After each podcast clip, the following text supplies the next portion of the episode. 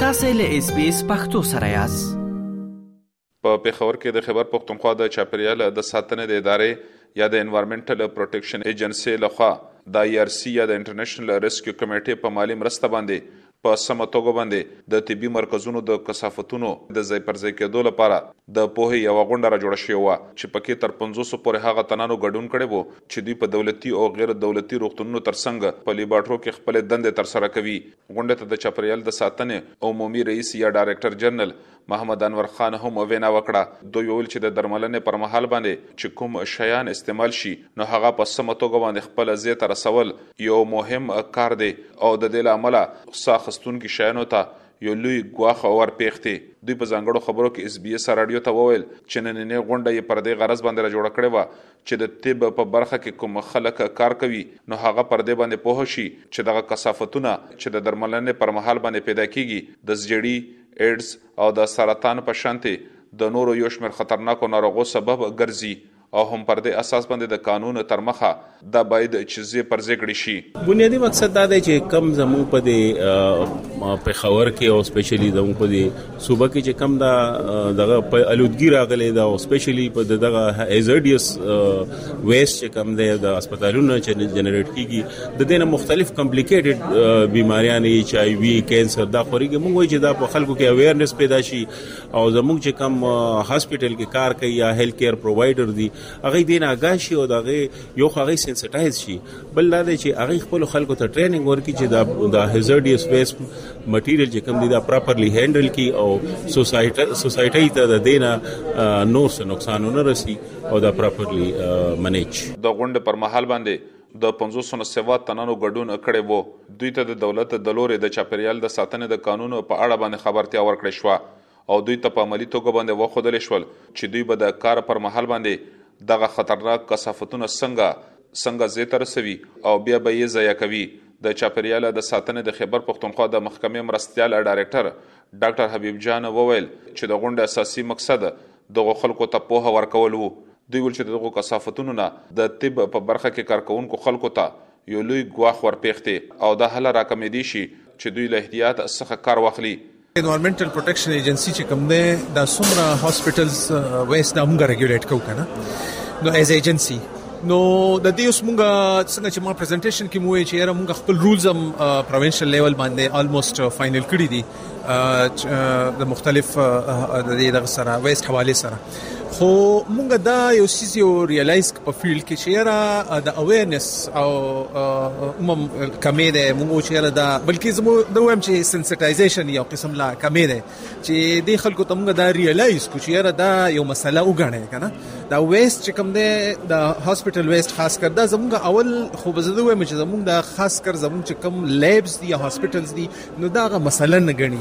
چې مسله دا وګڼي چې یره دا یو پرابلم دی او دا صحیح طریقې سره د اس او پیز لاندې دا ډیل کول غواړي نو دا نن سیشن زمونږه لکه دغه یو د نن مخکې مونږ یو کړی دی بلکې دا مونږ کوشش کوو چې یره دا سیز مونږ کنټینیو ساتو مختلف ډونر سره خبره کوو چې یره خاص کر چې دا اوس خبره وشو چې یره دا چې کم په لیبس کې دا جینیټوریل کم سټاف ته دا چې کم سویپرز دي کم دا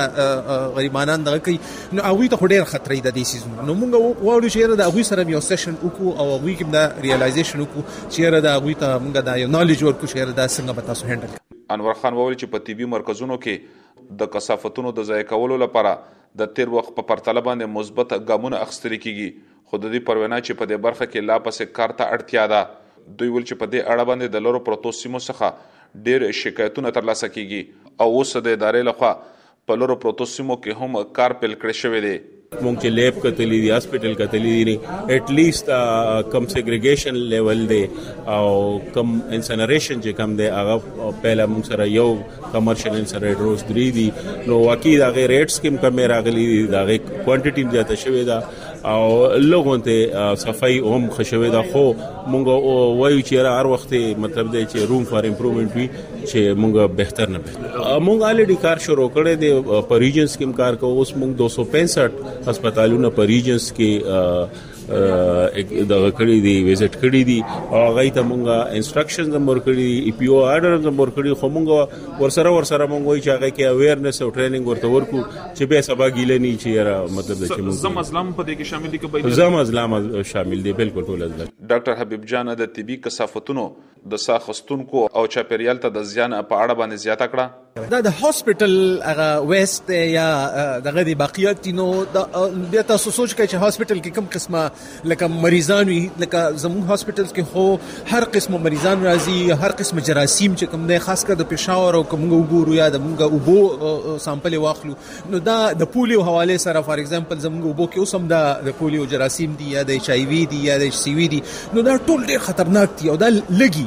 نو موږ خو وو چې یاره دا ګن خو که عام د کور ګن چې کوم دی هغه خو هم په پکار چې په صحیح طریقې سره موږ ډیسپوز اف خو د هاسپټل خو بیا یا د لیبس یا د چې کوم دغه دی د هیلث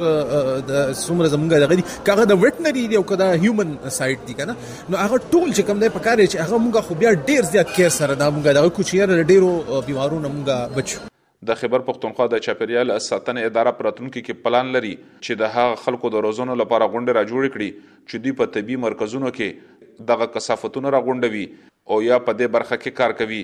دغسې معلومات دي چې یو شمېر هغه کارمندان چې په طبي مرکزونو کې کار کوي د بې غورۍ له امله د خطرناکو ناروغو ښکار شوي دي. د ایډز د مخنیوي د خېبر پښتونخوا څانګه وايي چې په ګرده خېبر پښتونخوا کې شپږ زره نهه سوه شپږ شپېته ناروغان شتون لري چې بیا یې پکې اته سوه اووه هغه تنان دي چې د طبي شیانو د استعمال یا د ژوبل کېدو له امله دوی د دغې خطرناکې ناروغۍ ښکار شوي دي. اسلام ګل افریدي، اس بي اس راډیو، پېښور. اس پی اس پختو په فیسبوک کې تا کې پلی مطلب یو فاک کړئ نظر ور کړئ او له نورو سره شریک کړئ